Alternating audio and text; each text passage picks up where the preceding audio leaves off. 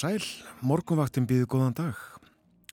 Uppirunnin mánudagurinn 12. februar, klukkunu vantar 9.37 og eins og þjólugatum eru umsjónamenn í dagbjörn Þór og Eirún við fylgjum ykkur til nýju. Það er leðinda veður sumstaðar á landinu, gular viðvaranir gengu í gildi í gerðkvöldi eða í nótt og uh, gilda í dag eða svo sem er í gildi fyrir Suð-Östurland rennir út um miðan dag í dag en uh, það er sama gilda frá Fagsaflóa og Norður og Östur og til og með Norðurlandi eistra þær renna úr gildi í kvöld, senti kvöld sem staðar. Já, uh, nokkuð kvast víða við förum ringing, konum hitastig og vindræða einstegs hitti í Reykjavík og uh, hægur vindur einstigs hitti Stafóldsei en 12 eh, metrar þar og fór í 17 metra í mestu kviðu. Einn gráða í Stikkishólmi og norðan 11 einstigs hitti á Patrísfyrði og 4 metrar þar. Og einn gráða í Bólungavík norðaustan 12 en fór í 24 metra í mestu kviðu. Tveggjastega hitti á Holmavík og norðaustan 17 og Kassara í mestu kviðum Einstegs hitti á Blönduósi, norðaustan 8. Hitti við frostmarka á Söðunarsvita og austan 18 þar, 25 metrar í mestu kviðu. Einstegs hitti á Akureyri, norðaustan 8. Hitti við frostmarka á Húsavík og uh, þar sló í 15 metra þegar kvassast var. Einstegs hitti á Rövarhöfn og norðaustan 10 og upp í 17 metra. Hitti við frostmark á skjaltingstöðum og uh, 13 metrar. Einstegs hitti á eilstöðum, lítilsáttar snjókoma og uh, norðan 7 en fór í 27 metra í mestu kviðu. Bálkvast á eilstöðum á köplum í nótt. Nú uh, að hitti á höfni Hortnafyrði og norðaustan 11, 19 það mesta sem meldist og uh, svipa viður á kvískerjum en hægari vindur á kirkjubæðaklaustri þryggjastega hiti þar og austan þrýr einn gráða á stórhauða í Vestmanægum og uh, vindurinn uh, bara til friðist þar norðvestan 5 metrar. En kvast í uppsveitum Árnessíslu norðvestan 16 metrar fór í 23 metra þegar vestlétt einstegs hiti í Árnessi og ölliti frost á hálendinu uh, fjórastega frost sínist mér þar sem kaldast var núna klokkan 6 það uh, var á hverjaföllum annarsvegar og kárinhúkum hinsvegar Erum þú ert með horfurnar fyrir daginn? Já, það er kvassviðri í kortonum, norðaustan 13 til 23 metrar á sekundu, kvassast í öræfum. Það verður slitta eða snjókoma með köplum en stittir upp á söður og vesturlandi í dag. Það verður norðaustan 10 til 18 metrar á sekundu sittnipartin og hiti um eða yfir frostmarki. Svo er það norðan 8 til 15 á morgun en sumstaðar kvassara suðaustalands. Snjókoma eða jél en þurrt sunnan heiða og það dregur úr ofankomu síðdeis á morgun og veður heldur kólnandi. Og í takt við þetta þá er uh, leiðinda færð víða um land og uh, búist við hún eftir að spillast en frekar. Í uh, almennu yfirleiti segir vegagerðin víða blind á fjallvegum í snjókomu og skafrenningi um norðanvertlandi í dag, engum frá Öksnadalseiði og austur að Faradal. Og nefndar eru þessar gulu veður viðvaranir veðustofunar, það má búast við því að færð muni spillast, sérstaklega á fjallvegum og vegfærandur bænir um að fylgjast vel með ferð og veðri áður en haldið þeirra stað. Og margir fjallvegir hafa verið settir á óvissu stík og þar mögulega að lokaði með, með litlu með engum fyrirvara. Og það er tiltekið að það er snjóþekja og skafrinningur á helliseiði. Það er þæfingsferð á bröttubrekku og einnig milli búða á hellna, ófært á fróðorheiði og erfið færð á flestum fjallugum á vestfjörðum. Dynjandisheiðin er ófærð, ófær og aðrir fjallvegir á óvissu stíi og óvissu stíg er á Siglufjörðavegi, veginum um almenninga. Fagridalur er ófær og þæfingsfærð í norðfyrði og einni berufyrði. Þungfært á ringvegi um kampaskriður og snjóþekjaða krapi víða og öðrum leiðum á, á Östurlandi.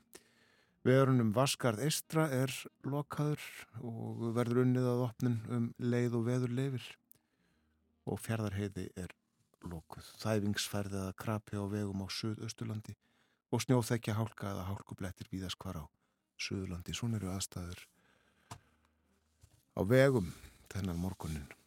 Nú meira af uh, þessu veðri og ástandi á eftir en við setjum fyrsta lag þáttanist þennan morgunin á stað þér Pítur Pól og Mary.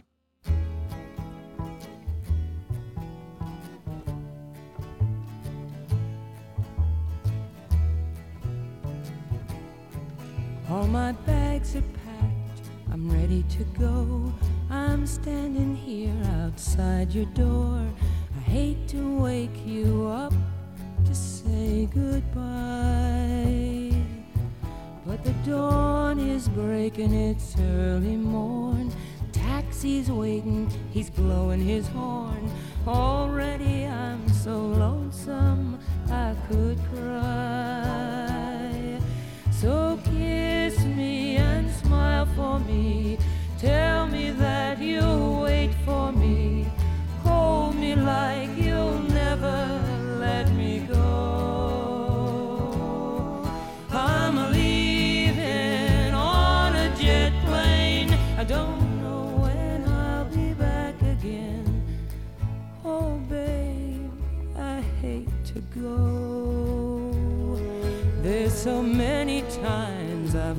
You down. So many times I've played around.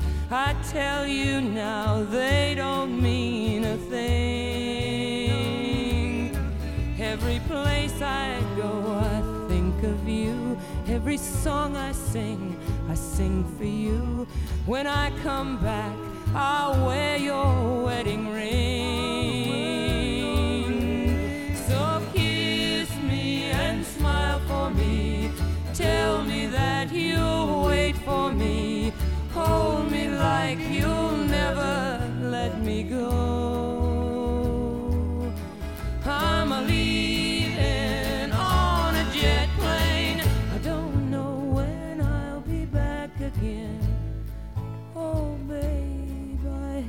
To go.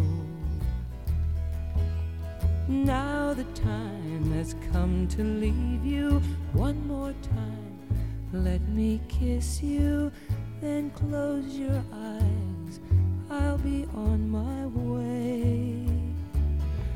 Dream about the days to come when I won't have to leave alone. About the time I won't to say. Kiss me and smile for me.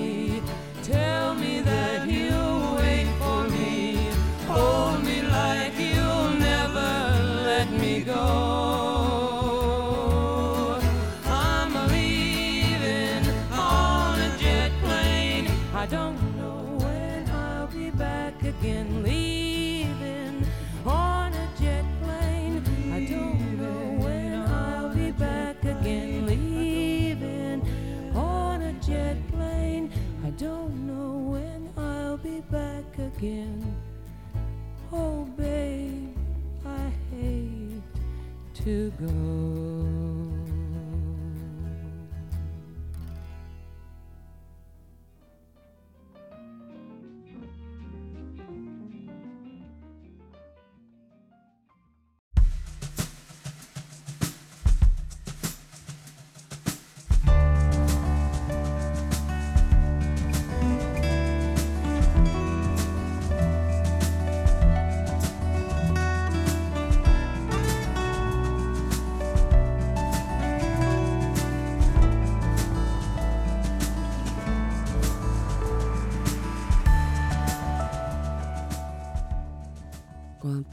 Morgunvaktin heilsar mánudag 12. februar. Umsunamenn morgunvaktarinnar í dag eru Björn Þór Sigbjörnsson og Eirún Magnúsdóttir. Og það er ímislegt á dagskrá hjá okkur við fjöllum meðal annars um veitumálin á Suðunisjunum, um vatn og ramagn og lagnir. Hver er staðan nú í byrjun viku eftir tjónið af völdum eldgóssins á fymtudaginn? Og hver eru verkefnin í dag og næstu daga og næstu vikur? Pál Erland, forstjóri HS Veitnaverður hjá okkur klukkan halv átta. Og svo er það finnar sem kausu sér nýjan forseta í gær. Alexander Stubb hafði betur gegn Pekka Havistó. Það munaði um fjórum prósentum atkvaða á þeim. Björn Malmqvist í Brussel fer yfir úslitin eftir morgunfréttir klukkan átta og við förum líka yfir mál forseta Ungverilands, Katalínu Novak, sem sagði af sér um helgina eftir að í ljós kom að hún veitti manni sakar uppgjöf sem hlaut dóm fyrir að hilma yfir barnanýð. Og í síðasta hluta þáttarins þá tölum við um reykingar, mjög hefur dreyðið úr þeim á undanförnum áratugum. Á dögunum voru liðin 45 ár síðan reyklaus dagur var haldinn hér í fyrsta sinn og þá reyktu mjög margir, þó ekki alveg að margir og um miðja síðustu öll þegar annar hver Íslandingur reykti. Jens Viðarsson hjá landlæknisembættinu fer yfir þróunina með okkur upp úr klukkan hálf nýju. Já, uh, leðinda veður og uh, líklegt að það vestni. Já, við kannski lítum hér á hugleðingar veðurfræðings sem segir Læð skamt söðaustur af landinu veldur nokkuð kvassri norðaustanátt með slittu eða snjókomu í dag en það rofar til á söður og vesturlandi hiti um eða yfir frostmarki. Norðan strekkingur á morgun en kvassir vindstrengir við fjöll söð austalands. Þurrt sunnan heiða, annars snjókoma eða jél og það léttir til um landi vestanvert sent á morgun en kólnandi veður. Og ef við höldum aðeins inn í vikuna þá er og miðugudag suðvestan 3-8 metrar en 8-13 norðvestanlands. Bjart veður og kallt en dáli til snjó koma vestan til og dregur úr frosti. Og fymtudag veru hæg vestlæg átt og stöku jél og frost á bylnu 0 til 10 stig mildast siðst. Og það er heldur hlínandi á, á förstu dag en einhverja skúrir og jél. Já, svo á uh, lögadag, ég sé ekki betur en að hittin verði kannski 7, 8, 9 stig á lögadag og uh, regning. Ég fór rámt með nafn viðmælanda hér á eftir Viðar Jensson hjá landlagnisembættinu verði með okkur í byggst velverðingar og því að hafa snúið nafninu hans við. En uh, aðeins kannski að blöðunum, það er skemmtileg mynd hér á fórsíðu morgunblæðsins í dag á henni má sjá hjónin Guðrúnu Erlu Jóhannsdóttur og Tómas Hansson. Þau búa í Reykjanesbæ, þau eru með tvo ramasopna til að hita húsið sitt en uh, láta þá ekki döga eins og segir hér heldur stígaðu dans til að halda á sér hita í heitavarsleysinu. Nú, uh, svo er fjallaði hérna um stöðuna í kjaraviðraðanum en uh, þeim var slitið á dögunum verkalýsfélögin fórustumenn þeirra slitu þeim og uh, segir hér samkomulega var í höfn um launaliðin þegar slitnaði upp úr. Og uh, það samkomulega hvað áum að uh, launahekkun að fjárhæð tæplega 24.000 krónur til þeirra sem að þykja takstalun undir um það byrj 730.000 krónum á mánuði laun þeirra áttu sem sagt að hækka um rétt tæpar 24.000 krónur. Laun annara áttu að hækka um 3,25%. Það er rætt hér við Vilhjálm Birgisson, formann starfskrinarsambandsins. Nú á baksíðu morgunblæðsins er rætt við uh, Gretar Haldur Haldósson, hann er prestur í Kópáskirkju og ég um, horfi á hana hér uh, rétt á hann út á gluggan út á húsinu upplýst og uh, glæsileg einhver uh, fallegasta kirkjalandsins held ég með sér og þetta segja hún setur nú aldrei svip á staðin og starfið mótar bæjabrag segir hér. En uh, presturinn Gretar Haldur er að tala um föstuna og segir hann að hafa frá upphæði verið fastan lið í hefðum og boðskap kirkjunar þó er þetta nokkuð sem uh, svolítið hefur fendt yfir og því viljið við breyta og uh, það verður uh, fjallað um föstuna eða, eða hún svona í hávegum höfð núna frá öskudegi og fram að páskum og Greta Haldó segir fastan hverfist ekki bara um að sleppa fiskmeti á miðugudögum og föstudögum eins og fólk heldur oft. Gjarnan má fasta með því að sleppa vanafestum í lífið okkar sem orðnar eru til baga. Og þetta getur verið kjött, sætindi, samfélagsmiðlar, snjalltækjanótkun, kaffi, áfengi eða almennar, almenn hegðuna miðstur sem, minnstur sem íþingja og halda okkur frá því sem skiptir máli. Og sjálfur ætlar hann næstu vikunar að sleppa því að borða sætindi og uh, hann fer ekki inn á félagsmiðla netteima eftir klukkan 6 á kvöldin. Fólk getur annars fastað hvert með sínu móti, segir hann. Meginmálið er að í stað einhverja hálgerðra ósiða sem lítið skilja eftir þá sé leita til þess sem að gefur dýpri fyllingu. Já, og það er verið að fjalla um auðvitað Reykjaneskagan í frettum viða. Það er meðal annars hérna á vefrúf.is og við ræðum þetta reyndar betur og eftir en það er svo, það er svo ágætt mynd hérna í frett á vefrúf sem að er fyrirsögnin er bjart síðan á að rörin verði klár á næstu dögum. Og það er mynd af svona gulri vegstiku sem að er umlökin rauni en hún hefur ekki brotnað, hún hefur bara beglast raunnið svona sækir aðinni en þetta sem myndi svolítið, svolítið lýsandi kannski fyrir, fyrir stöðuna þetta er mynd eftir Guðmund Bergqvist tökum hann hérna rúf vegstikan sem lætur raunnið ekki vaða yfir sig hm.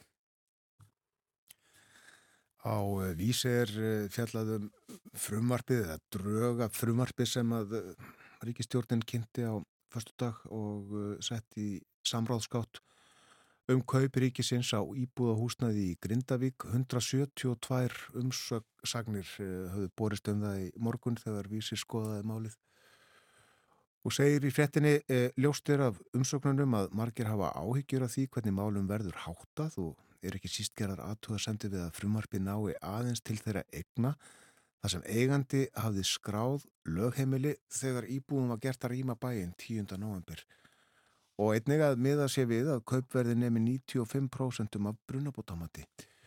Rætti er við, eh, eða haft eftir Jenny Lovísu Árnadóttur sem segir, mér finnst ekki hægt að mismuna íbúum svona. Hvað með þá sem eiga eignir sem voru í leigu en eigendur búa annar staðar eiga þeir þá bara að missa aðlegu sína að því að þeir áttu ekki lögheimili í ygninni, spyr hún. Og uh, Hilmar Þór Haldósson segir þetta er algjörlega galið, brunabótamatið er tölvert læra heldur en við kiftum á, eigum við að tapa nokkru miljónum á þessu. Og uh, frekar um fjöllun á vísi eins og áður saði. Við hugum að öðru, allt öðru. Þannig er að við sjáum í dagbók að í gær þá voru liðin 85 ár frá fæðingu Reynis Arnar Leossonar Krafta Jötuns. Hann fættist 11. februar 1939.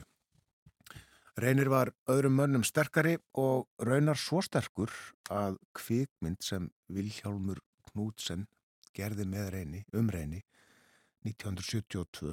Hún var nefnd sterkasti maður í heimi, hvorki meirinu minna.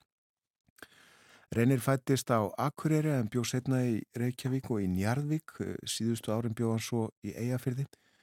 Fannst upp við talvið Reyni í morgumblæðinu frá 1959. Hann var þá tvítur og hafði atvinnu af sendibílagstri í Reykjavík og þannig var að rafgeima framleiðandin Pólar hafði fengið blísendingu að utan blíð kom í tunnum sem að vó um 290 kíló og alla jafna þurfti fjóra kalla til að bera hverja tunnu en það þurfti bara einn Reyni Leosson. Og Reyni var mættur í póla til að halda á 290 kílóa blítunnu og uh, segja bladamann í leðinu ölliti frá sjálfum sér. Ég hef lengi eft mig á að taka upp þunga hluti, aðlega grjót og stóra stráka. Ég hef lift þingri hlutum en þessari blítunu, saði hann, og uh, hvaðast æfa atlaskerfið. Þetta var sannsagt 1959 og næstu árin þá eldist reynir enn og uh, við staðanæmumst næstu frétt frá 1972 þegar unni var að áður nefndri myndum kappan. En aðal atriðið í henni var alveg hreint ótrúlegt. Uh, reynir var járnaður með þrennum handjárnum og þrennum fótjárnum og margvafinn þykri keðju og þannig var hann læstur inni í ramgerðasta fangaklefa landsins í klefa lauruglunar á keflaugurflugvelli og það er náttúrulega hann að brjótast út eftir að hafa brotið af sér lekkina. Reynir fekk lefi hjá dómsmálar á þeirra til að nota fangaklefan og brjótast út úr honum eða reyna það og uh, það gegn lovorði um að greiða fyrir þær skemdi sem hann kynni að valda á klefunum. Ólafur Jóhannesson uh, fósættisráð þegar fór með dómsmálun á þessum tíma svo að það hefur þá líklega verið hann sem að gaf leifið en það var haft eftir eini að hann vonaðist til að þurfa ekki að borga fyrir skemmtinnar. Og bladamæður Vísis lísti svo aðförunum það voru ferleg umbrott þegar maðurinn var að brjótast út úr fangakljónum. Menn urðu vari við að alla leið yfir í hinn endan á húsinu sem nötraði. Hann gekk alveg bersaskang þegar hann var að brjóta af sér þrenn fótjórn og þrenn handjórn svo ekki sín og talaði um keðjurnar sem hann var vafin í. Stunurnar sem fylgdu átökunum bárust út í gegnum þykka klefa vekkina, sagði bladamæðurinn.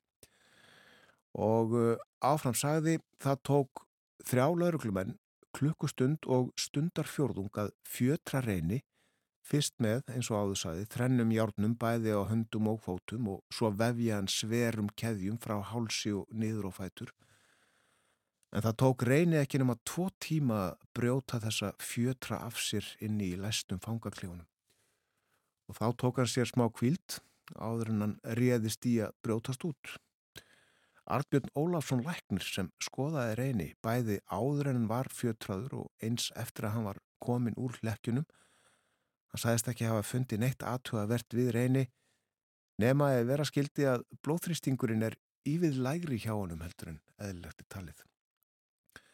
En setni hluti þrautrennar tók lengri tíma.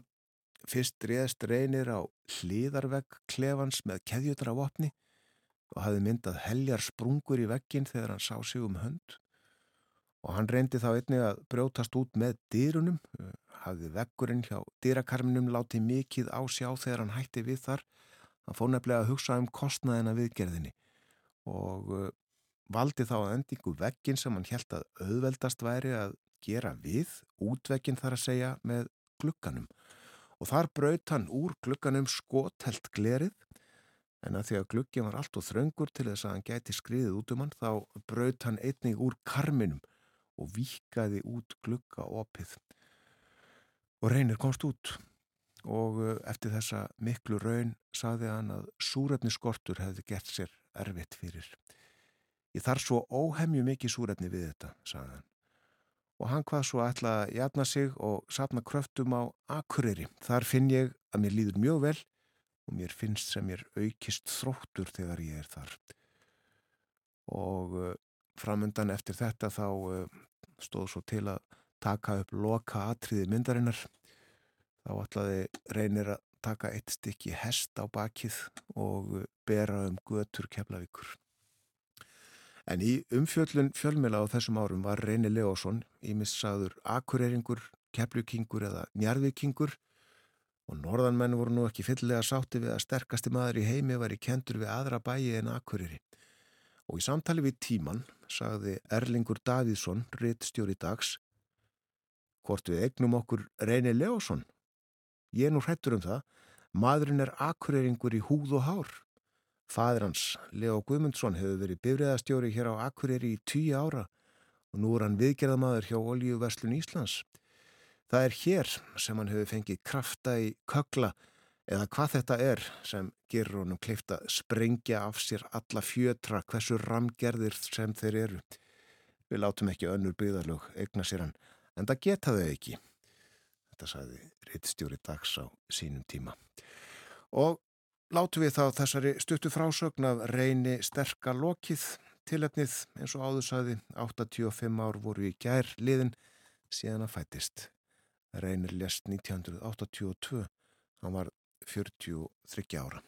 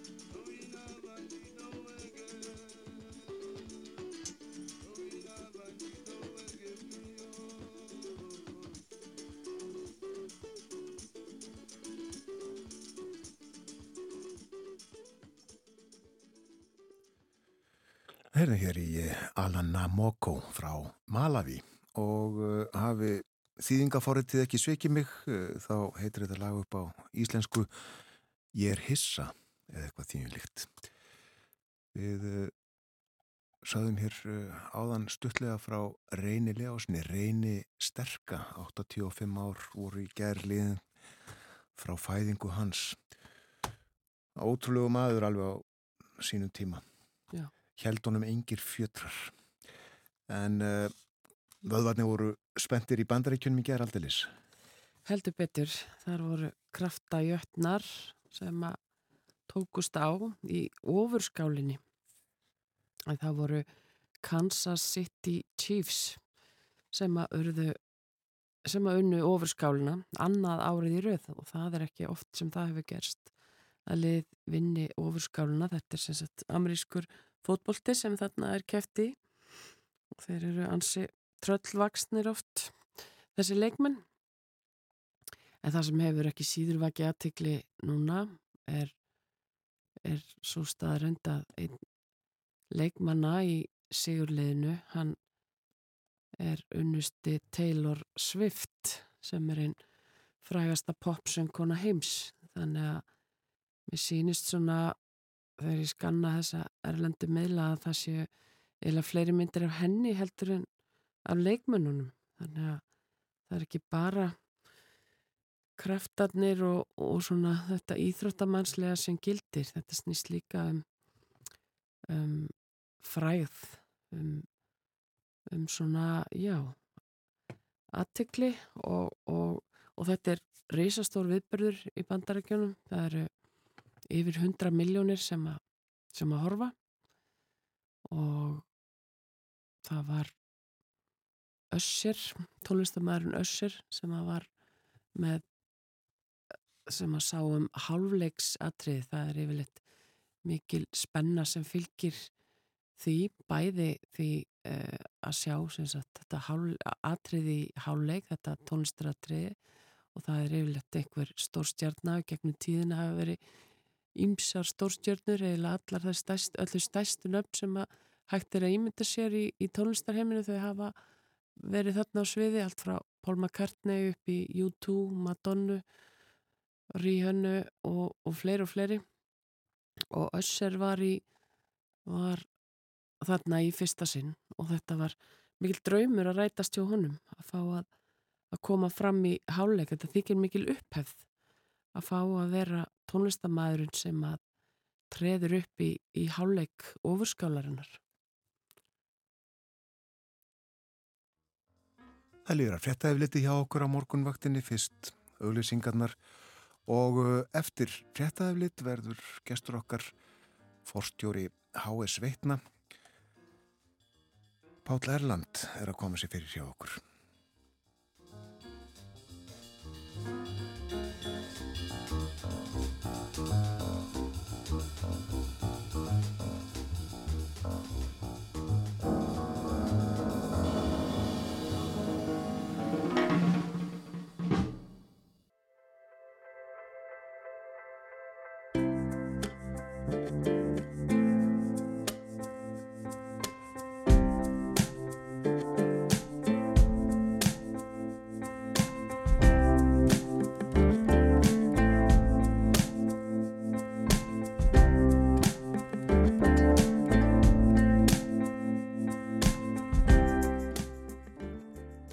Og nýð, þetta er morgunvaktin á rás 1, klukkan réttliðilega halv átta. Það er mánudagur í dag, nývinnu vika hafinn, 12. februar, er ekki bolludagur í dag?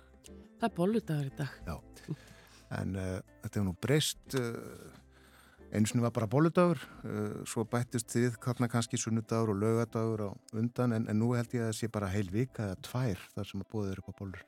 Já, það er allavega einhverju dagar, en það er engi bollu vendir lengur. Nei. Þeir eru búinir að vera.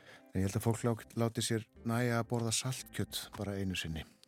Sprengidagur á morgun. Já, ekki nóg. Veðrið er frekar leiðilegt uh, á stórum hluta landsins og á enn eftir að vestna eins og uh, horfurnar eru og uh, færð verður leiðileg og við búið að vegir muni lokast þegar einhverjir fjallvegir lokaðir ófærir sumsja og við hvetjum fólk til þess að kynna sér stöðuna bæði á verinu hjá veðustofunni og uh, svo hjá vegagerðinni á umferðin.is En uh, hér næstu mínútur ætlum við að fjalla um uh, orkumál á Reykjaneskaga, um uh, stöðuna á uh, veitukerfunum, lögnunum. Pál Erland, forstjóri H.S. Vittna er komin til okkar. Góðan dag, velkomin. Góðan daginn. Þú varst í símanum þegar þú uh, gegst hérna inn í, inn í uh, hljóðstofu uh, og ert með vantarlega alla nýjustu upplýsingar eftir nóttina. Getur þú bara farið yfir stöðuna svona í, í, í snarheitum? Já, Hvernig þetta lítur út?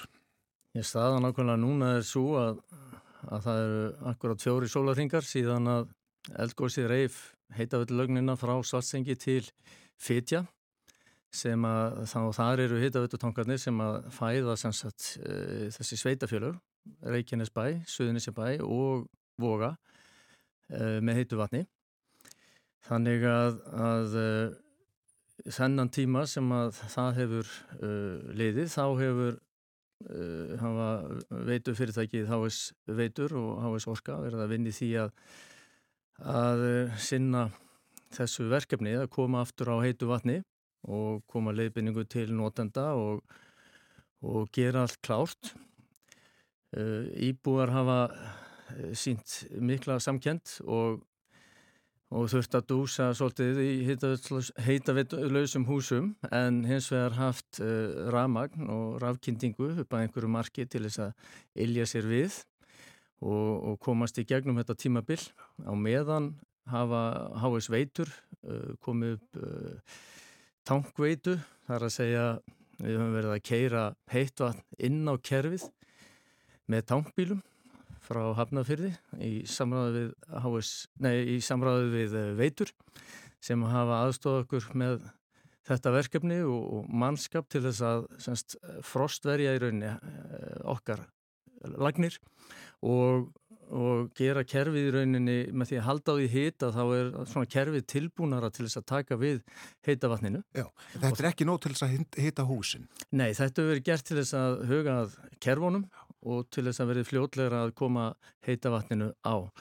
Þetta ásamt því sem að hefur snúið að ramagninu að, að halda kerfinu gangandi þátt fyrir mikið álag þá hefur hafa síðan hinum einn HS Orka verið að vinna því að setja saman í rauninni nýjan bút á heitaföldurlögnina og allt er þetta að raungerast í því að við gerum ráð fyrir að hita verði hleyft á og núna bara brálega í dag.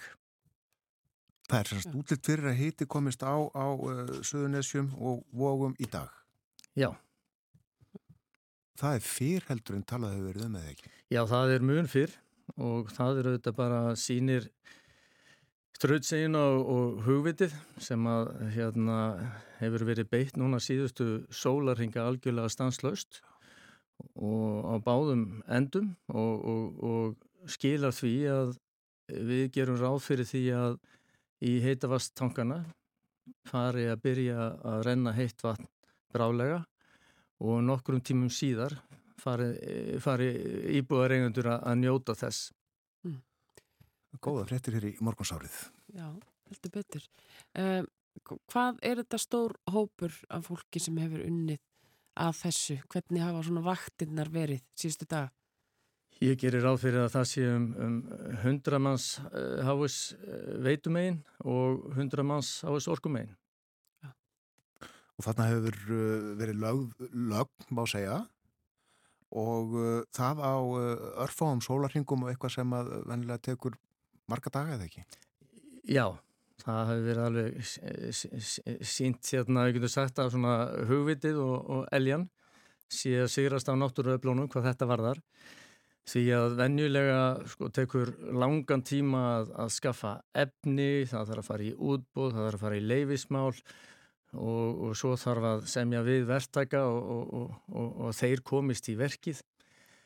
Og hérna, við getum sagt að þarna gengur bara allir í verki, bæði hérna, verktækar, mikið að söðumönnum bara, hérna, og vélafólki algjöri snillingar sem hafa verið að vinna og ekki gleyma því algjörlega þrótlöst frá því að lögnin fór. Mikilvægasta fólksamfélagsins, held ég séu þetta að segja.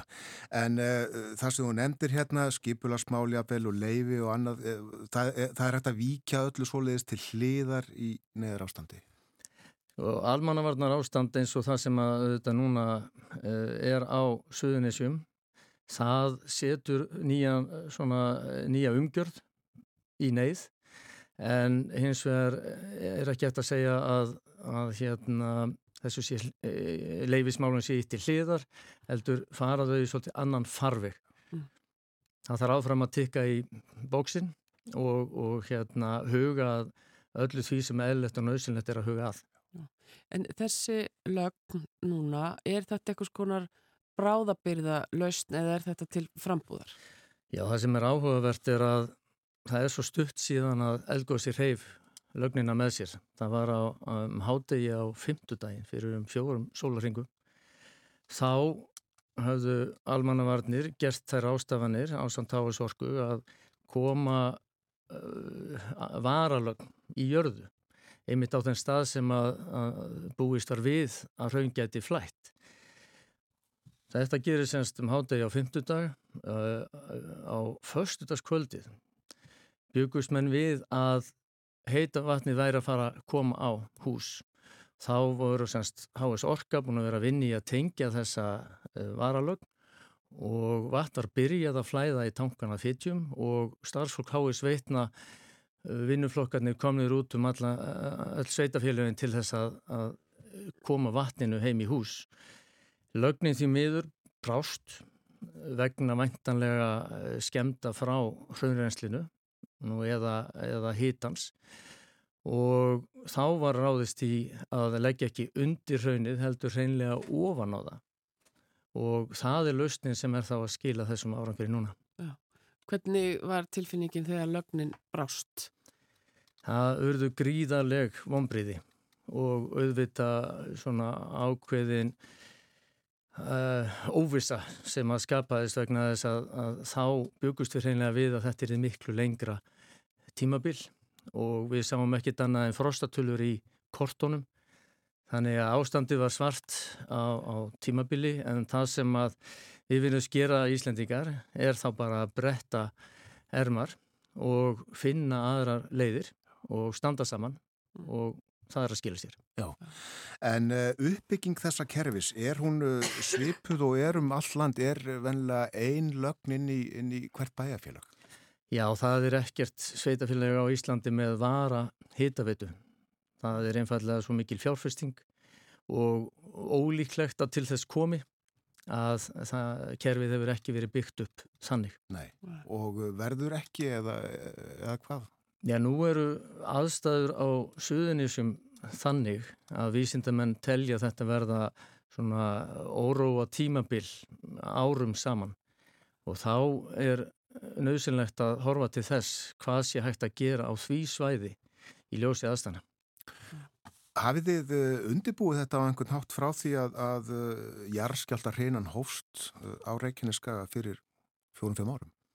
Já, þetta er orðið þryggja mánada törn hjá uh, hérna, fólki í orku og veitugiranum og ásamt almannavörnum og, og lauruglustjóra og og björgunarsveitum og öðrum sem hafa verið að vinna þetta á Suðunisjum, bæði í Grindavík uh, við að bjarga þar eignum og halda upp í ramagni og, og hita og, og, og aðstofa fólk. Og uh, norðan megin, þar sem er Reykjanesbær, Suðunisjabær og Vogar, þar hafa háis veitur staðið í undirbúningi mögulegs atbyrðar með til dæmis styrkingu á rafdreifikerfunu vegna þess að það er ekki hannað fyrir rafkendingu þá höfum við verið í að, leggja nýja rafstrengi, stækka, spenna þar sem að greiningar okkar sína að kerfið sé veikt fyrir og, og klára eh, hýtavitu, gera hýtavitu lagnir svona klárar ímislegt þannig að það eru allir búin að vera að vinna þessum, þessum mögulegu sviðsmynd sem að síðan rættist. Já. En er eitthvað að því að nú hafið þið vantarlega verið að horfa yfir þetta allt saman og skoða hvað hvað hvað erum við búin að gera og, og hérna og eflaust rýna í það hvort eitthvað hefði eh, mátt gera öðruvísi. Er eitthvað sem að hefði átt að gera fyrst eða sjáu núna herðu við hefum átt að byrja fyrr eða vera betur undirbúin, eitthvað slikt? Já, alveg klárlega. Það er náttúrulega eins og gengur að, að þú dregur upp ímiskonar sviðsmyndir og viðbráðsáallinir og, og, og ræðstjafil í, í aðgerður upp á von og óvon eins og við gerðum. En e, það er ekki hægt að sjá allt fyrir og náttúran gerir nákvæmlega það sem henni sínist e, þannig að það er auðvitað hægt að, að, hérna, að, að telja ímislegt upp sem að betur hefði mátt fara í þeim efnum. En ég vil sé réttar að fara yfir það sem að vel var gert og þá held ég við ættum að byrja á varnargörðunum sem að hafa eh, varið innviðina bæði Grindavík bæðir sjálfan og, og, og Svartsengi þar sem er hjartað í orkuöfluninni á svæðinu. Og, eh, og ótöljandi aðrar aðgerðir eins og ég verið að tala um áðan, styrkingar á, á, á veitukerfunum. Og þetta skila sér allt í þessum, þessum viðbrast hraða hversu fljót við erum aftur á lappirnar við að koma þjónustunni á. Já, og það virðist eins og það sé mikil samstafa meðal íbúa. Það eru allir að leggjast á eitt að spara ramagnir. Er það ekki? Það, þið, þið vantalega sjáu það á, á einhverjum mælum? Jú, hérna, óhugnarlega gerðist í rauninni að, að það var fyrir séð að, að það er heitafarsleysi í langan tíma og það eru aðstæðu sem að við eigum bara ekki að venjast. Þannig að, að, að fólk vissi auðvitað ekki svona við hverja þetta búast og þurfti að, að búa innan þess ramma að rafdrefi kerfið myndi bara þóla viss mikið álag frá ramagsopnum frá hverju heimili sem að er minna heldur en þar til þess að halda stofu hitta á, á heili fastegn en það reiknaði einfallega út frá getu kervisins til þess að það myndir hreinlega ekki rinja í átökunum. Eh, þetta hafa eh, íbúar sínt alveg framúrskanandi skilning á og, og staðið saman í því að halda þó uppi raf, rafmagninu og, og þar með eh, einhverjum hita á húsum og það er auðvitað líkillin að því að, að fólk er að komast í gegnum þetta. Já.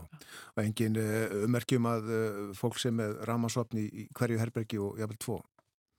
Það uh, var auðvitað mikið kipt af opnum og sérstaklega fyrsta kvöldið þannig á förstaskvöldinu þá reyndi svolítið á það. Ég held að veit ekki hvort að fólk reynlega trúði því eða vildi láta reyna svona á hvað, hvað væri hægt að gera.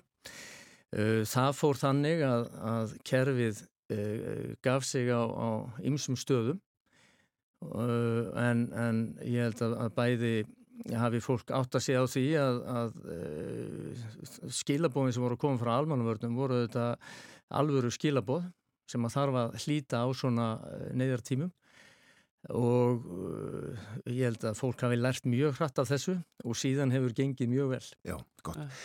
Eh, Pál, ég held að það sé ekki vegi að fara eins yfir uppbyggingu uh, sko, orkumálana á þessu svæði. Uh, við höfum þarna HS orku og HS veitur og þetta vefst fyrir sumveitið.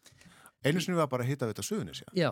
Þa, það var allt mjög einfalt. Einmitt. Á sínu tíma þá var hita þetta suðunisja sett á stopp til þess að virkja orkuna sem að býri á Reykjanesinu og, og hérna líka koma upp veitukerfum inn í sveitafélagunum til þess að leiða þá rafmagni heitavatnið og kaldavatnið inn til húsa. Við uppskiptingu uh, fyrir nokkrum árum að þá var til HS Orka sem sér semst um virkina hlutan og lagnirnar má segja að mestu uh, til uh, semst annars vegar fytja og hins vegar til Grindavíku frá Satsengi.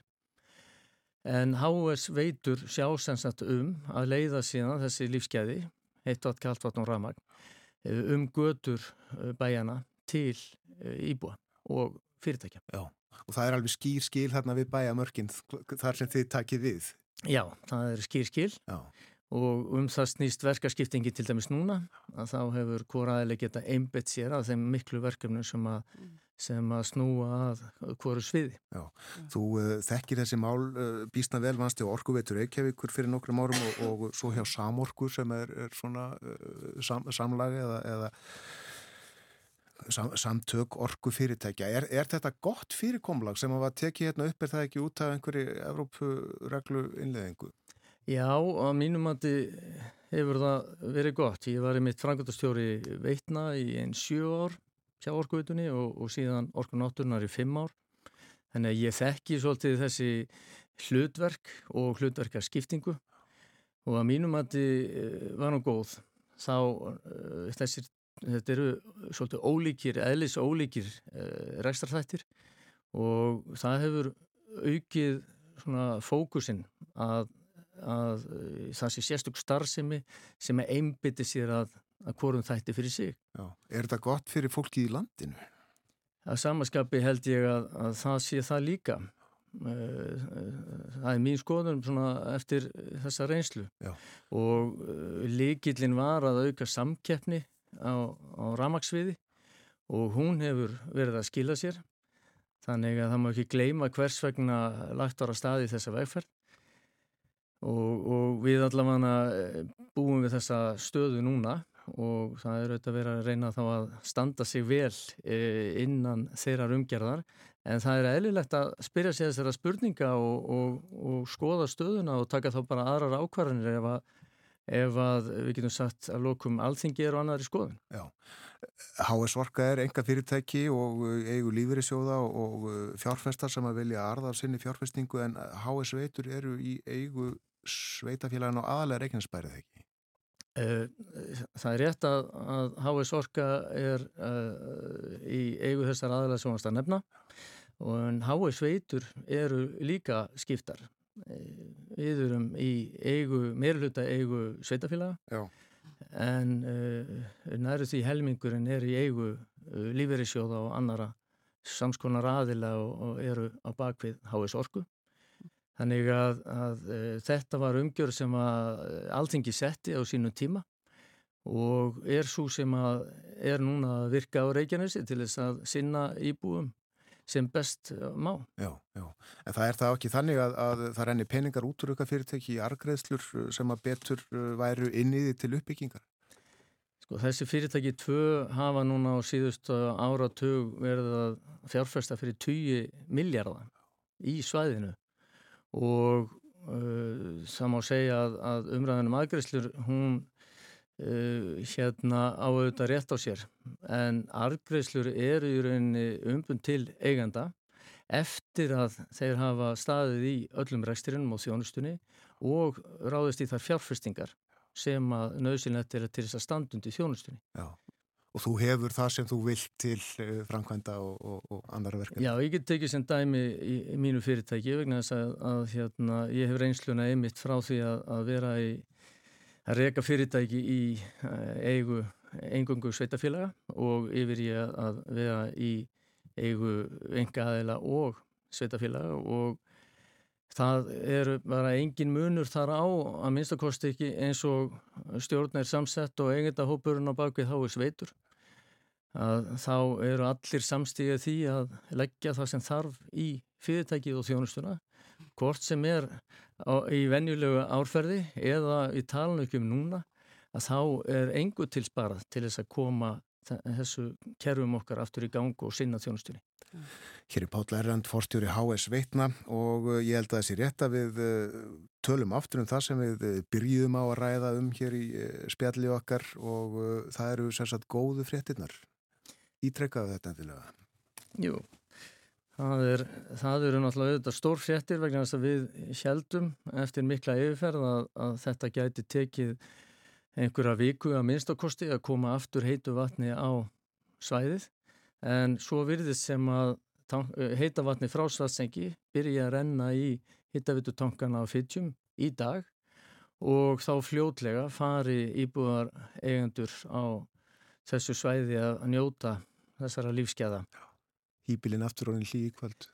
Ílurinn aftur að koma í húsin. Ég vil kannski nota tækifærið og, og nefna það að, að þegar heitavatni fyrir að streyma eftir svona langt uh, heitavasleysi og frostatímabil þá er mikilvægt að, fastegni eigundur séu vakandi, gagvart lögnunum í þeirra eigin húsum og, og horfið til þess hvort að það hefur orðið e, fráskemdir og einhverji lekar sem, sem byrtast þegar heitavatni fyrir að streyma.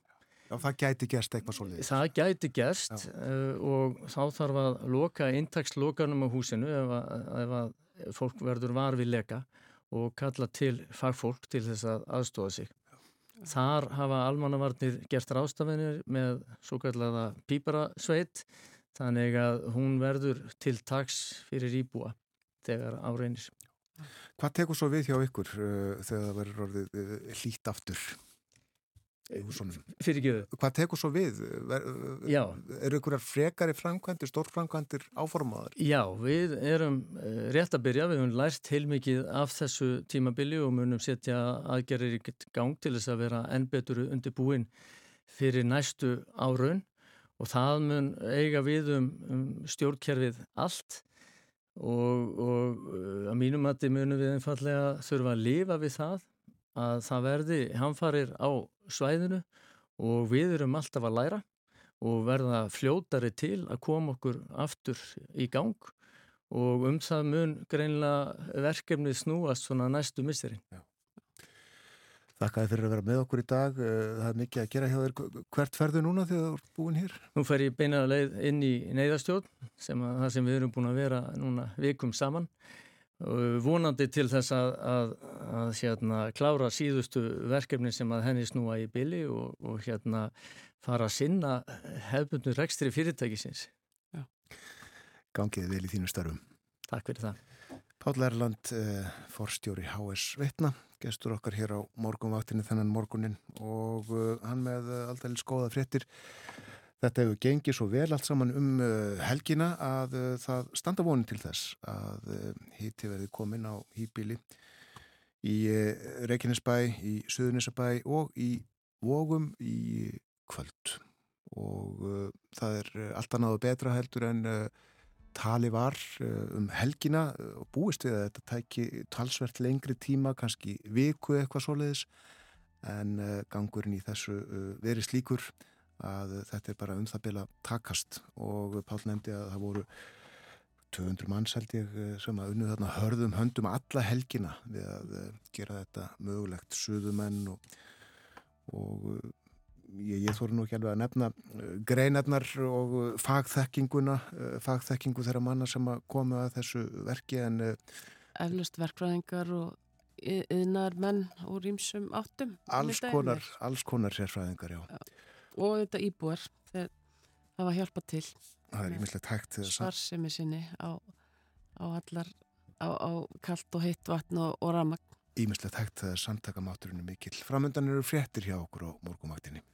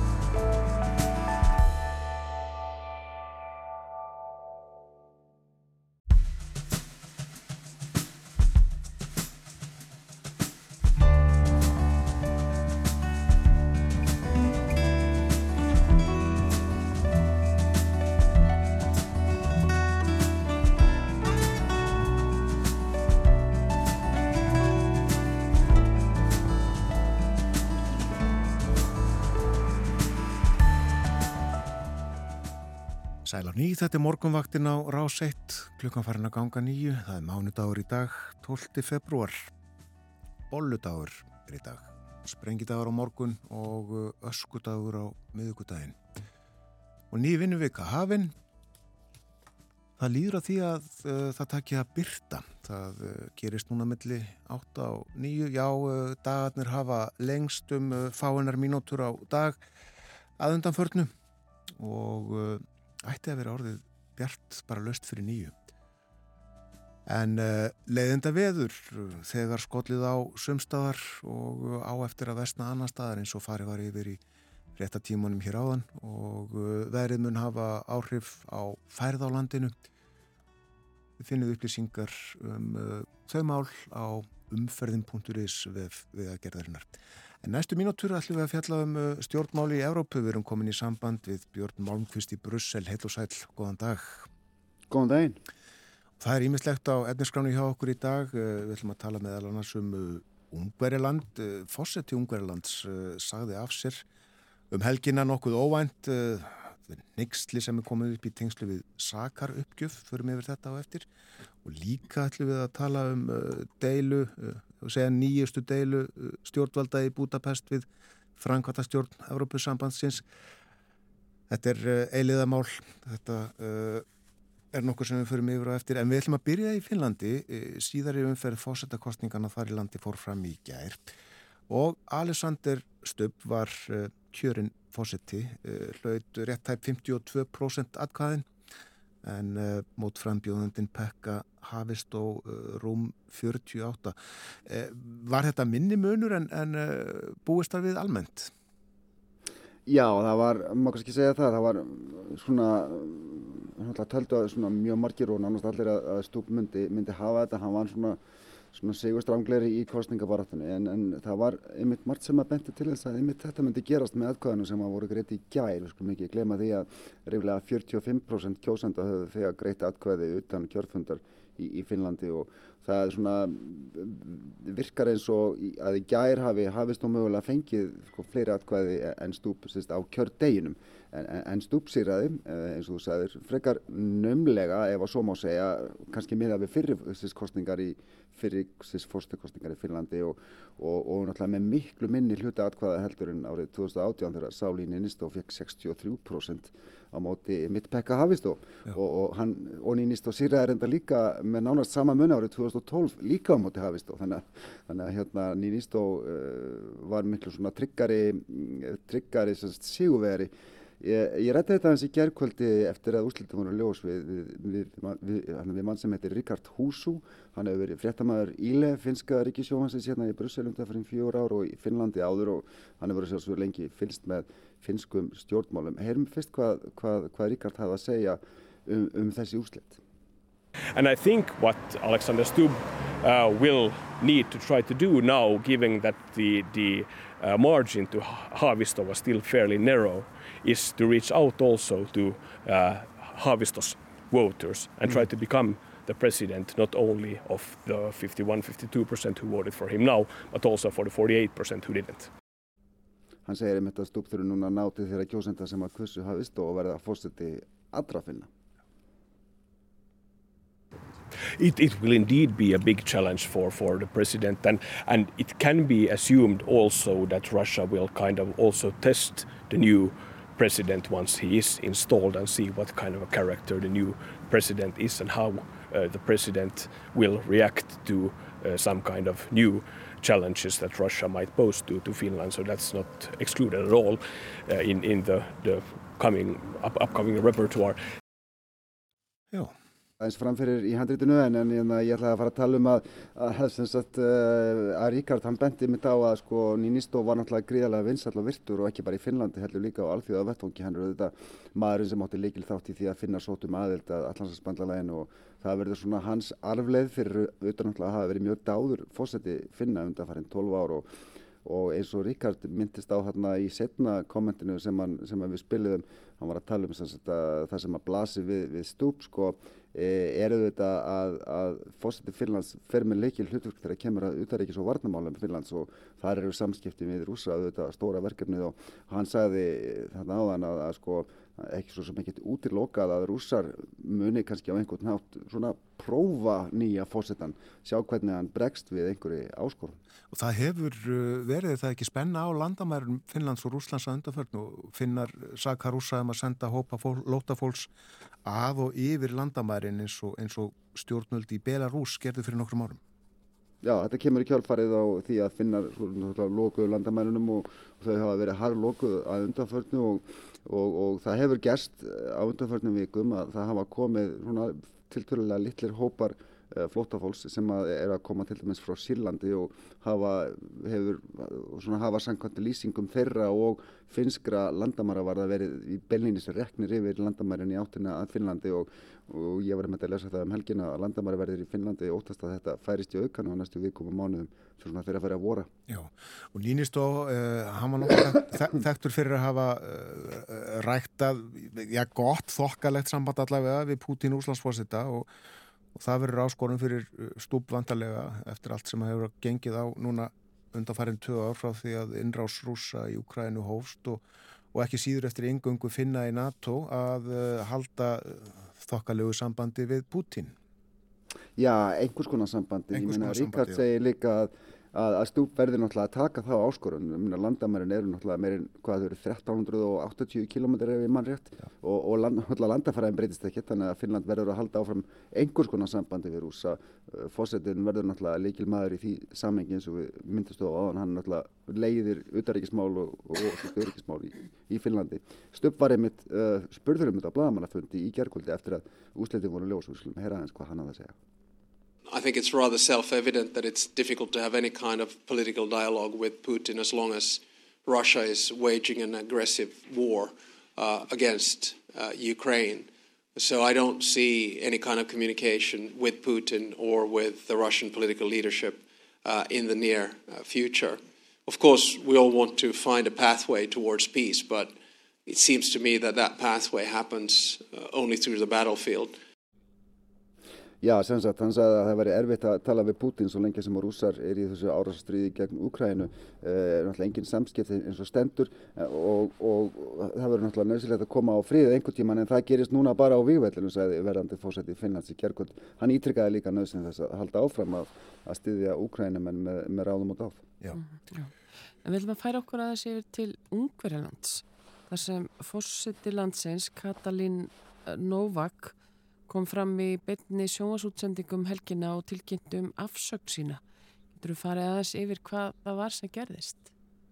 Já, sko, Novak hefur setið undir harður í gaggrinni undanfarnar daga. Það komi ljós í síðustu viku fjármjöla byrtu lista yfir fólk sem að, að fósettin þar að segja Novak uh, hafi veitt sakarupgjöf í fyrra. Það var gert uh, við það tækifæri þegar Páinn kom í heimsókn og meðal þeirra var maður sem hafi verið dæmdur fyrir að hilma yfir barnaníð sem var framið á heimili fyrir munalös börn sem, að, sem að, sérst, var í ríkisrækstri og maðurinn var sérst, næst ráðandi þar. Yfir maður þessa heimilis var, var sérst, dæmdur fyrir barnaníð en, en, en næst ráðandina hafi verið reynd að fá börn til að draga tilbaka vittninsbyrði og hann var dæmdur fyrir það og, og, og fekk svo sakar uppgjöfu fyrir að, sem að, að fósettin Eh, veitt honum.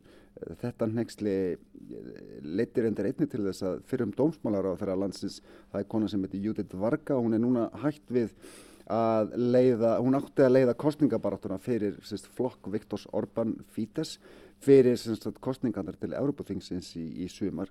Hún er núna stígin uh, í börstu frá, frá þeirri rullu og, og þetta er, svona, þetta er talsveit stort mál í Ungverðarlandi þessu dagana. Og, og það er það báð, báðar nátengdar flokki Orbáns? Já, já, það eru mjög nána samstagskonur uh, Orbáns og, og svona hafa verið áberandi í, í Fítes flokknum sem að náttúrulega ræður öllu í Ungverðarlandi. Ég meina Novak var fósetti Ungverðarlands fyrir tefnum tveimur árum, þetta nú mjög, þetta er nú mjög kannski ekki mikil, ekki mikil valdastaða svona frekar heldur hún á Íslandi. Uh, hún var reyndar áður, sem sagt ráð þeirra fjölskyldumála í stjórn Orbáns og Varga var sem sagt bónsmálaráð þeirra eins og ég nefndi. Þannig að þetta er auðvitað svona talsvert svona politist, já svona áfall eða svona nekkir fyrir Orbán og hans flokk meina, sem hefur náttúrulega kert mjög mikið svona á því sem að kalla má svona íhaldsam hefbundin fjölskyldugildi, þú veist, barnavend og allt það og þetta svona gefur stjórnarhansstöðin í Ungverðarlandi byrjundi báða vengi ekki síst eh, í aðdraganda kostningana til, til Evropaþingsins í, í júni. Eh, þær voru báðar í rauninni, sko, þú veist, ég meina Orbán ræður öllu í Fítes og er náttúrulega einræður nánast í, í Ungverðarlandi og þær voru báðar svona hans, eh, já, undirmenni var svo má segja. Já og Europasambandið opnaði síðustu viku uh, nýja kabla í deilusinu við stjórnvaldi Ungverðlandi um endurbætur og réttarfari stöðu fjölmila og, barðu gegn spillingu. Þetta, þetta er deila sem hefur staðið í mörg ár, ekki satt? Jú, það er sem sagt frangværtastjórn Európa-sambandsins sem hefur staðið þessu strögli við stjórnvöldi í Budapest undir farin ára, allar gotur síðan, já, 2012, skömmu eftir að Fidesz, flokkur Orbáns, komst til valda. Sem sagt, eitt af hlutverkum frangværtastjórnarinnar er að fylgjast með og fylgja því eftir að aðeldaríki ESB fari eftir og virði reglur og viðmið til dæmis um sjálfstæði dómstóla, fjölmjölafrælsi, almenn réttindi, mannréttindi, mál út af þessu hafa ítrekkað verið sendt til Európa-dómstólsins og, og framkvæmtastjórnin hefur haldið tilbaka styrkjum til Ungarilands upp á miljardar efra undan farin ár út af, út af einmitt þessum málum. Mm. Og það nýjasta er þessi stopnun sem á rannsaka meintar ógnir gegn fullveldi Ungarilands.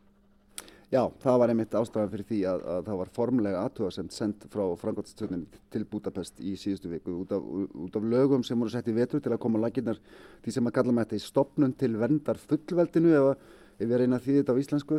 Það er semst einhvers konar skrifstofa eða stopnun sem hefur mjög rúmar heimildir til að hefja rannsókn á nánast hverjum sem er. Uh, ég rétti þetta aðeins við ungverska konun sem heitir Verónika Móra, hún er yfirmöður hjá félagsamtökum sem, sem heita Ökotárs í Budapest og, og hafa reyndar óbeina tengingu við Ísland aðeins sem erum það á eftir en að vera útkýri fyrir mér hlutverk þessar stofnunar sem á að geta skoðist sapna upplýsingum um já, hvert sem er eins og ég sagði sem er, sem er svona talin standa fyrir e, svona einhvers konar hagsmunni erlendra aðila sem vilja að þú veist á á einhvern nátt mögulega að hafa áhrif í, í, í Ungveriland. Það, það getur verið fjáls, sko, félagsamtök eða fjölmiðlafólk eða, eða hver sem er. Heyrum hvað hérna vera að hafa að segja um þetta.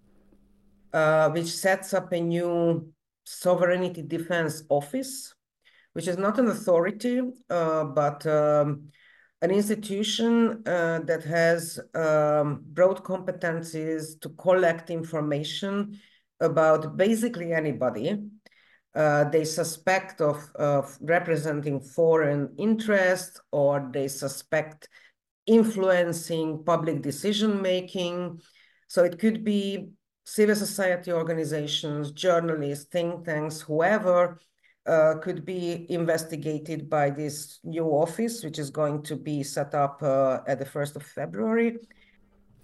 Já, þessi skrifstof á sérst að geta unnið með öryggistofnunum og leinumþjónustunni segir, segir Veronika uh, óhæðir fjölmilar í Ungverjarlandi hafa náttúrulega sko, mótmælt þessu harlega og svo náttúrulega Európa-sambandið eins og ég sagði sem að, sem að segir beinlýnist að þetta gangi gegn euróskum lögum um, um, um réttindi borgara í, í líðræðisríkjum og, og þetta er bara enn einn eins og ég segi, enn, sko, enn eitt kaplinn í þessari langvarandi deilu sem að, sem að hefur staðið milli, milli frangotastjórnar ESB og, og stjórnvalda í Budapest. En þú nefndir aðan Íslandstengingu. Hver er svo tenging? Já, Verónika Móra sem við heyrðum í rétt á hann, hún stýrir frjálsum félagsamtökum sem heita Ökotárs Þessi samtök hafa undanfartum árum unnið með, með stofnun sem heitir uppbyggingarsjóður EES-ríkjana sem að Ísland er auðvitað hluti af. Við borgum miljarda í þennan sjóð á, á, á, á hverju sjö ára tímabili sem að, sem að, sem að, sem að sem að sjóðurinn sérst, vinnur eftir uh, og þessi greiðsla er í rauninni hluti af EES-samningnum og er í rauninni til þess að, ég minna, við erum þú veist í raunin að kaupa okkur aðganga innri markanum uh, með, með þessum framlögum í, í sjóðin. Við höfum þetta talað um þetta áður í morgunvaktinni. Uh, sjóðurinn styrkir þúsundi verkefna í 15 ríkjum Európa-sambandsins sem eru fyrir neðan meðalagi þjóðatekjum, Ungverjaland er eitt af þessum ríkjum en En, en Ungverðarland hefur ekki fengið neyn framlega á síðustu árum vegna þess að stjórnvöldi í Budapest hafa viljað ráða því hver tekur við og deilir út fram, framlegum til frjálsra félagsamtaka og, og þar hefur nýfurinn staðið í kúni undan farin ár. Því að ungversk stjórnvöld höfnuði því að ökotárssamtökin væru í því hlutverki Þessi deila eh, við uppbyggingarsjóðin og millir ungverja og uppbyggingarsjóðins hófstrendar árið 2014 með húsleit sem var gerð hjá þessum samtökum og Verónika segir að það hafi í raun, svo húsleit hafi í raun svona markað upphafið að vissuleiti á aðgerðum stjórnvalda gegn frjálsum félagsamtökum sem voru stjórnvaldum ekki að skapi. En, en ég ætla að fjallum þetta í í, í heimskviði mín næstu á lögadaginn þá var ég með umfjöldunum þessi samtök og, og svona sögu þessara deilu uppbyggingarsjóðsins við umhverja og, og, og við heyrum meira sérst í verðunum og öðrum sem að tengjast þessu málu og hafa frá því að segja. Heimskviður á lögadaginn verður áhugavert að fylgjast með því. Segð okkur uh, þá hér í blá lokin uh, af því sem er að, að gerast eða á döfinni í Brussel núna næstu dögum. Já, þannig ímislegt. Það er til dæmis ráþeirar þróunamála hér á fundi í dag og með þeim verður Filip Lassarini sem er yfirmaður flóttavarnhjálpa saminuðu þjóðana í Palestínu. Þegar samtök hafa verið í ellínunni eða undanförnu og fjölmögur ríki þar á meil Ísland hafa frestað greiðslumdi þeirra eftir ásakanir Ísraela um að starfsmenn hjá flótamannhjálpinni í Palestínu hefðu verið viðrinnir árás Hamas uh, á Ísrael 7. oktober. Mm. Uh, flótamannhjálpin er auðvitað líkilstofnun hvað í, aðstóði íbúa á Gaza varðar ekki bara núna heldur undan farin ára ára tíu síðan hvað 1947 eða eitthvað svo leiðis og náttúrulega sérstaklega þessa mánuðina þegar mikil neyð ríkir á, á, á Gaza eftir, eftir árásir Ísæla sem að statuðu þetta ennþá yfir. Uh, uh, svo náttúrulega kom að hinga vartamálar á þeirra NATO síðar í vikunni, það var meðal verður Bjarni Benediktsson auðverkisáttura sem að fer líka með vartamál. Uh, stærsta málið á dagskráð þeirra verður Úkræna og ég gerir svo sem líka ráð fyrir að ungverski vartamálar á þeirra fái einhverjar aðtöðasendir frá sínum kollegum. Svíjar býðaði ju enn eftir að ungverja staðfesti aðeilt Svíja NATO og það gerist líklegast ekki fyrir já, í fyrsta lagi sent í februar eða snem í mass eftir að þingið í Budapest kemur saman. Það verður ímislegt rætt það held ég. Það hefði búið uh, þakkaði fyrir í dag, Björn Málkvist. Takk fyrir mig. Björn Málkvist, fréttamaður í Brussel með okkur á morgunvaktinni á mánudögum.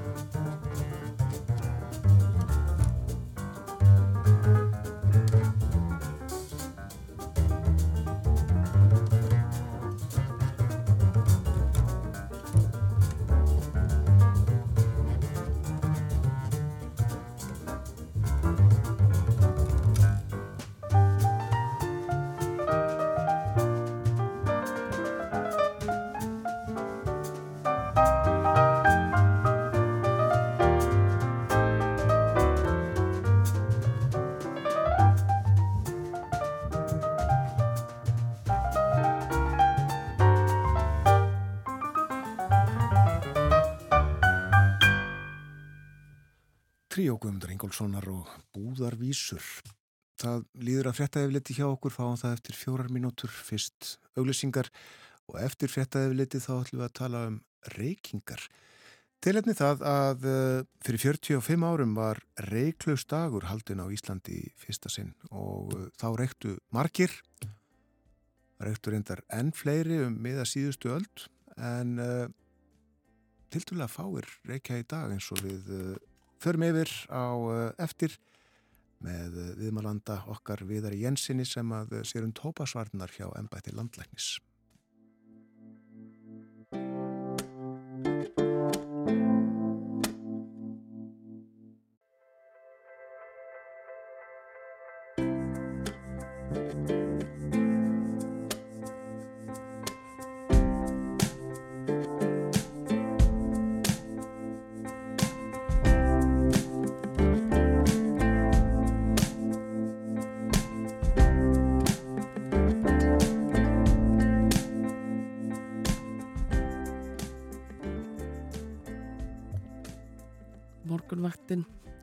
Heldur áfram mánudaginn 12. februar.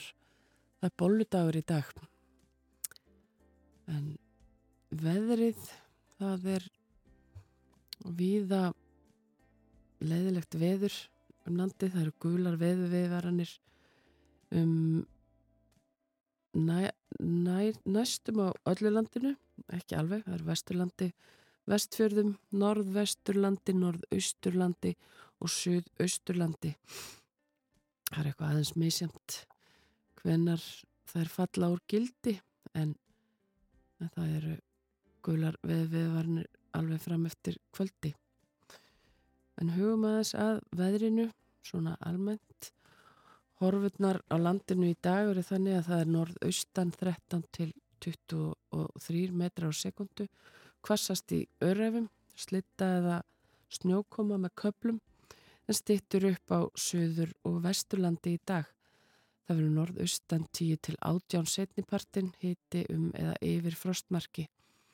Norðan 8 til 15 á morgun en sumstaðar kvassara söðaustalands.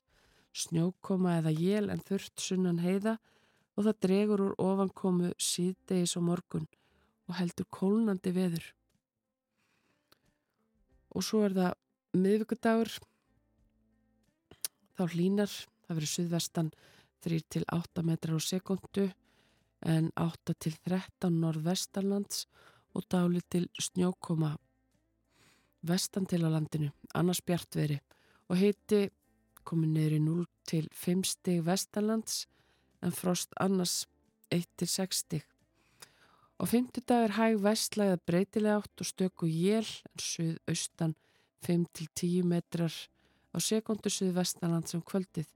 Það er frost löst síðst en frost annars 0 til 8 steg mest inn til landsins. Á förstu dag er svo hlínandi veður, suðaustan strekkingur og slitta eða rigning við á landinu laugardag ákveðin suðaustanátt með rigningu en úrkom líti á Norðurlandi og hiti við á bylnu 1 til 7 steg. Á sunnudag verður svo söðurlægi átt úrkomi lítið og myllt. Það sem sagt hlínar svona aðeins þegar líður á vikuna og það þýðir að það þarf að huga niðurföllum. Svona einhver tíman á næstu dögum getur við þurft að móka frá þeim. En það er þungvært viða, viða um land og ófært á fjallvegum vesturlandi er viða hálka og eitthvað um snjóþekju, fróðarheiði, ófær og óvissu stig á um bröttubrekku og holtaveru heiði og það var að við því að hún geti loka með stuttum fyrirvara. Og það eru það er viða ófært á vestfjörðum ófært um vassfjörðarháls þröskuldar eru og við erum þröskuldar ófær Stengrisfjara heiði, ófær Dinjandis heiði sömuleiðis og aðrir vegir á óvissu stíi sem þýðir að þeim gæti verið lokað með skömmu fyrirvara. Öksnadals heiði er lokuð þessa stundina og meðan verið er að losa fasta bíla og unni er að mokstri. Það er þungfært um víkurskarð og þæfingsfærð á þverjarfjalli og hálka á flestum öðrum leiðum Norðalands. Og sömu sögu er að segja á Norðausturlandi flughált eða ófært víða. Hveti vegfærandur til að fara öllu með gát og kanna aðstæður áður en haldið er út á veg.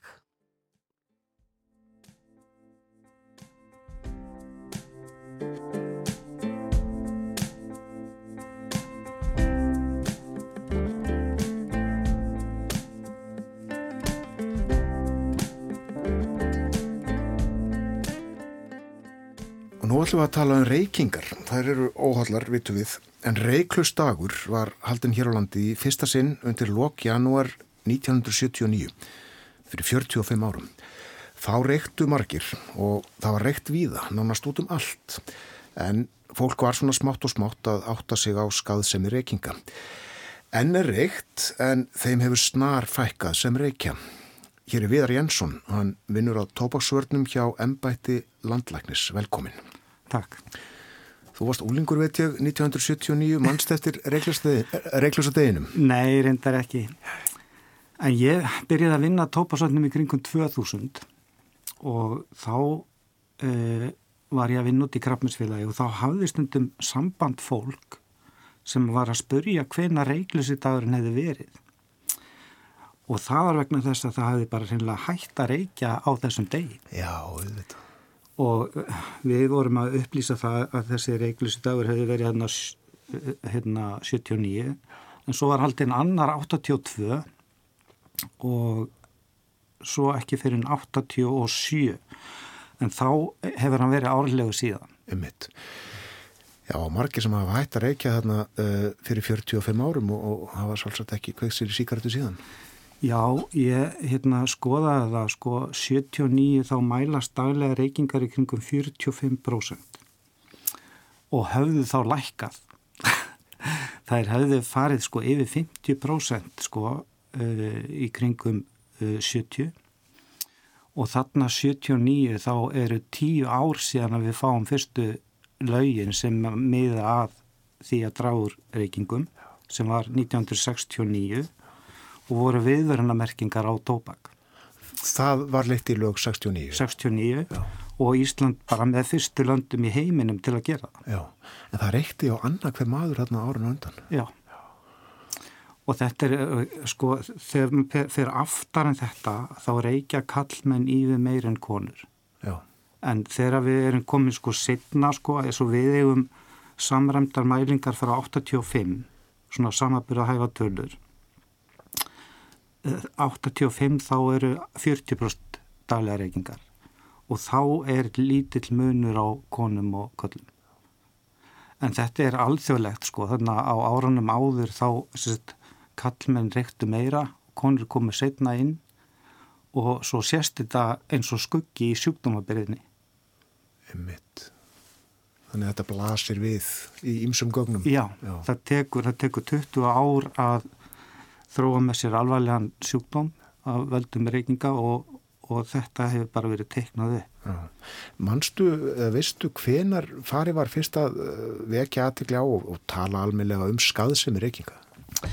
Já, það er svo merkilegt að e, við eigum mjög hérna upplugan þingmann Jón Ármann Híðinsson hann á svo frumvarp sem að varða lögum 72 sem að, banna auðlsingar á tópaki og ég tók viðtal við hann fyrir mörgum árum og þá sagði hann frá því að hann var að hlusta á útvarpið og var að hlusta á landlækni fara með e, tölur um skað sem er reykinga og hann hafði þá verið á einhverju þingi í Breitlandi og í dag er þetta þekktar ansóknir sem að er verið að vitna í en, en Jón Arma Hjeðinsson var rosalegur nagli í tópasögnum hann, hann vildi engin vera á frimarpinu með honum og, og hérna en hann barðist sagði í gegnum báðar þingdeildir og, og það fór í gegn með einu atkvæði Það er einmitt það Ég skoðaði blöð frá 1979 þar sem að fjalla var að reiklusa daginn og uh, það var tiltekið að uh, það reikti einn ráþerra á ríkistjórnafundi sem haldið var um morgunin. Ok. En þetta, hefur, þetta er rosalega áhugavert að skoða þessa þróun. 1990 þá er, er daglegarreikingar komna nýri 30%.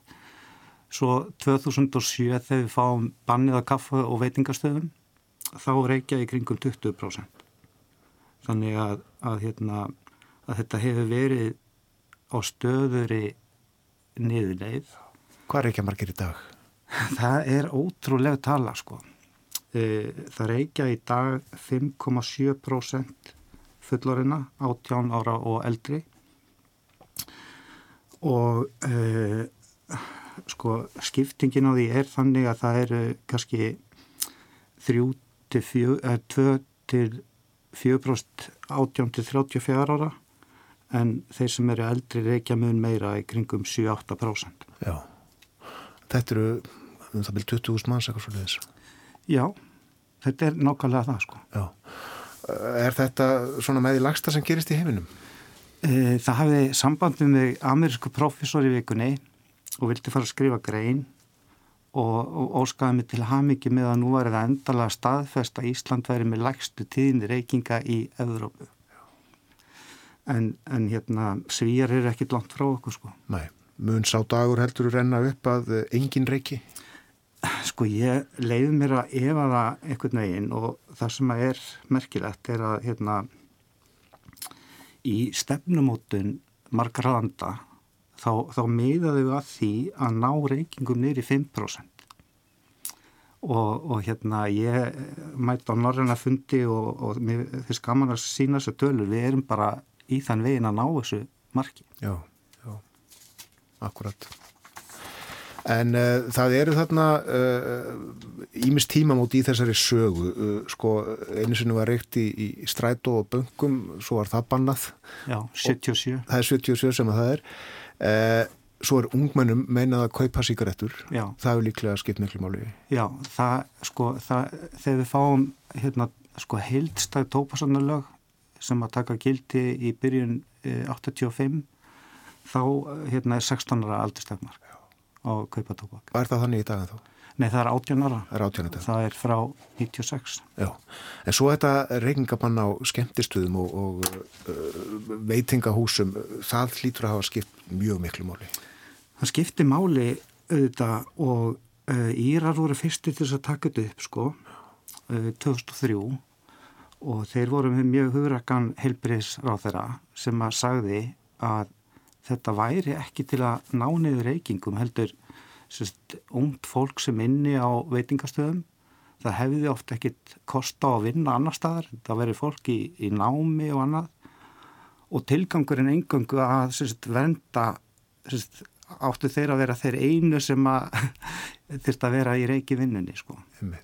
en svo voru stúdíu sem sögðu að, að svona bann myndi gefa hugsalega 2% e, niður í reykingum. Já. og það er nákvæmlega það sem gerist hjá okkur. Já, þú veitnar í tölunar enn og aftur. Algjörlega. Já.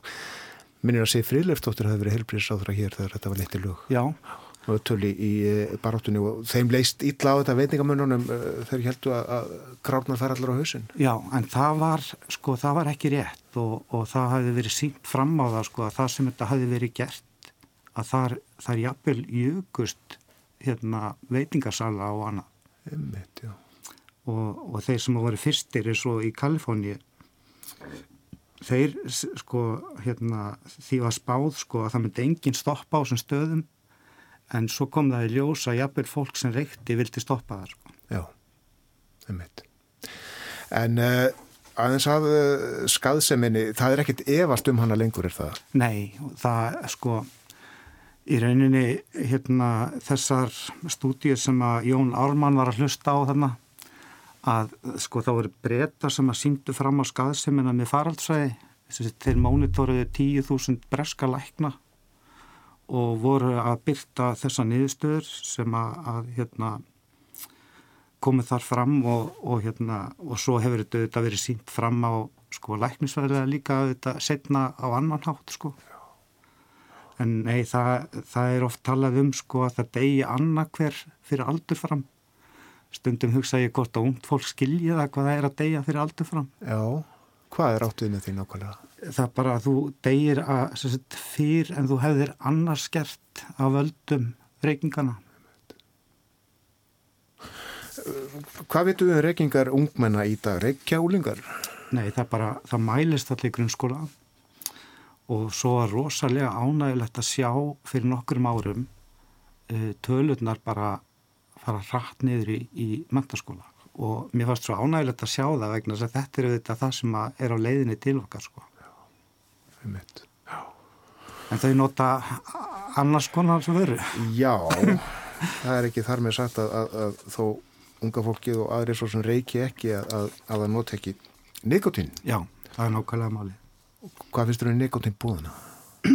mér finnst það mjög slæmt og Við mælum núna sko 12% notku nekotínbúða heilt yfir 18 ára eldri en, en þegar við skoðum hins vegar aldursópana að þá uh, nota í kringu 30% 18-34 ára nekotínbúða daglega. Það er. Það er bara þriðji hver og 20% ungra hvenna og þó að sko skaðseminn uh, þó við förum ekki út í hana ef við förum bara út í fíknina þá er hún bara alveg nóg og slæm í sjálfu sér sko. Það að ungd fólk sé verða háð nikotíni er svo slæmt vegna þess að sko uh, þegar þú ekki færið púða þá ferði frákvörf og það orsakar sko svefn, tröflanir einbyttingaskort, pyrring og svo framvegis og það er bara mjög slæmt að svona stóra hópu samfélagsins er bara orðin háður neikutíni. Já, þarf að berjast gegn þessu eins og, eins og barist var gegn reykingunum á sínum tíma? Bara algjörlega og það er bara eins og með reykingarnar að það eru fyrst og fremst stjórnarsaðgerðir sem að, að virka að hækka verð og, og beita stjórnarsaðgerðum. Já, er þetta allt frjálst og, og laus beislað í dag? Já, sko, nei, nikotínbúðar hafa verið settir undir lög um rafrættur þannig að það er sínileika bann á þessum vörum nema í þessum sérverslunum. En, en hins vegar er þessi vara bara allt og ódýr. Hún er mjög lítir skattlögð og hérna, e, það er líka bara það sem að virkar á ungt fólk. Það á síður efn á því sko. Þannig að, að það er vitað að verð, það, það er stýri nýslu. Það er bara nummer eitt í tópasöndum og á sérstaklega við um ungt fólk. Já, höfum við engan uh, Jón Ármann Híðinsson lengur í pólitíkum? við auglísum eftir honum, við auglísum eftir hugurökkum stjórnmálumönnum. Já, en finnst þeir að sína þessu lengind? Ég veitir ekki hvað ég á að segja um það sko, þetta er bara eitthvað sem þarf að gera og, og nekotímpúarnir komu rosalega rætt inn á markað áramótin 1920 og hefur bara vaksið með þessum rosalegu röðum skrefum. Já, já. Það er mitt það við erum 45 ár frá fyrsta reiklus á deginum og það eru ennhaldni reiklus í dagar, segir við. Já, þeir eru bara, þeir eru árilegir og, og það er sagt, hérna, 31. mæ e, og e, það er þema frá WHO, frá Alþjóða helbyrgismálastofnunni og undarfærin ár þá hafa þau miðað mjög mikið að umhverfinu sko, umhverfið sjónamið og, og þú veist hættu fyrir umhverfið og svo er þau líka íta á sko ríkistjórnir að hjálpa bændum til þess að e, hætta að rekta tóbak og færa sig yfir í matvæla framlöslu. Já, tegið eitthvað. Já. já, já. Þetta er auðvitað reysastóriðnaður og, og þau voru allavega geysilega öflug amerísku tópasfyrirtækin. Já, já, og er í já. Þakkaði fyrir að koma til okkar á morgumattin og uh, tala um reykingar Viðar Jensson, uh, verkefnastjóri tópaksvarna hjá Embætti landlagnis. Var þetta ekki rétt hjá mér? Jú, já, takk. Takk, takk.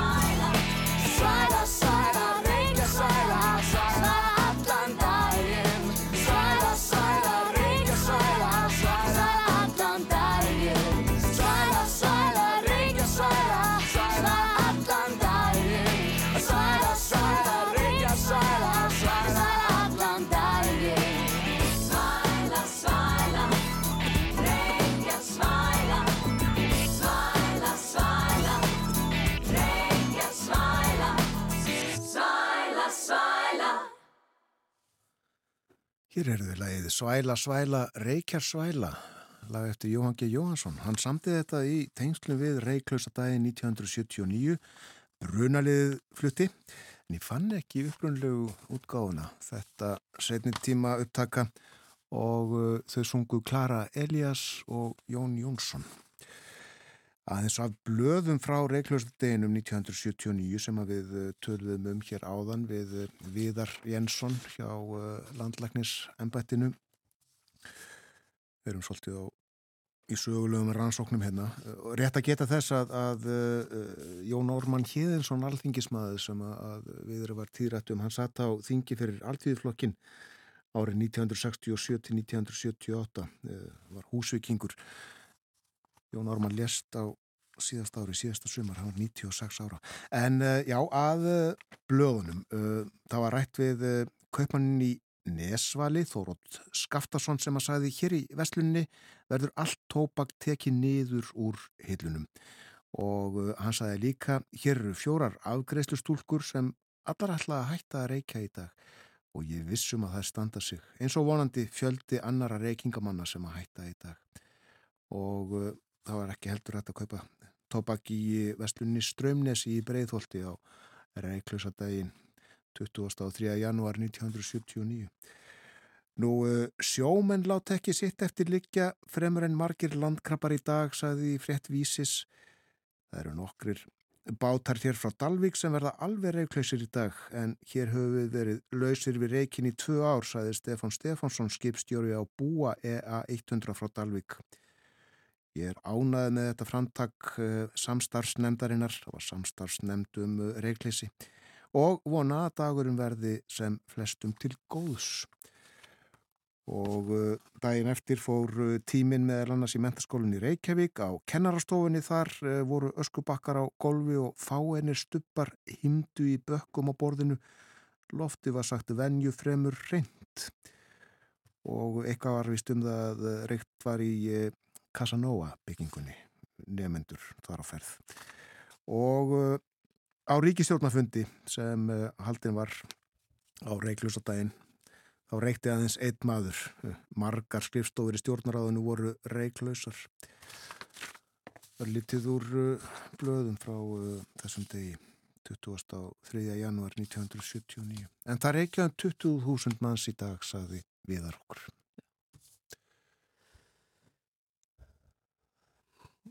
Og það er komið að loku morgumvaktarinnar, klukkan líka alveg að verða nýju. Við setjum hér Björn Þór og Eirún síðan snemma í morgun og uh, gestur okkar snemma var uh, frangatastjóri H.S. Veitna, Pál Erland og uh, hann færði okkur þær fréttir að heitt vatn kemst á hús á Reykjaneskaganum í dag. Það var búist við að uh, það tæki mun lengri tíma heldur en uh, svo kom á daginn að uh, tengja þessa nýju lögn. Þetta gekk alveg hreint ótrúlega vel og hýpili á Suðunusjum og í Vógum ættu að verða orðin hlý og góð í kvöld um það vil. Og við fórum aðeins út í heim með byrni Malmqvist til Finnlands og Ungverilands. Fórum með stöðu stöðuna þar og, og rættum nýjan fórsetta Finnlands, Alexander Stubb. Og hér síðast uh, tóbaksnótkun. En uh, þetta er með lokið í dag. Morgunvaktin verður á sínum stað í fyrramáli. Bjóðum góðan dag þegar klukkunum vantar tíu mínútur í sjö. Björn Þór og Eirún þakka samfélgina og við vonum að þið njóti dagsins. Verðið sæl.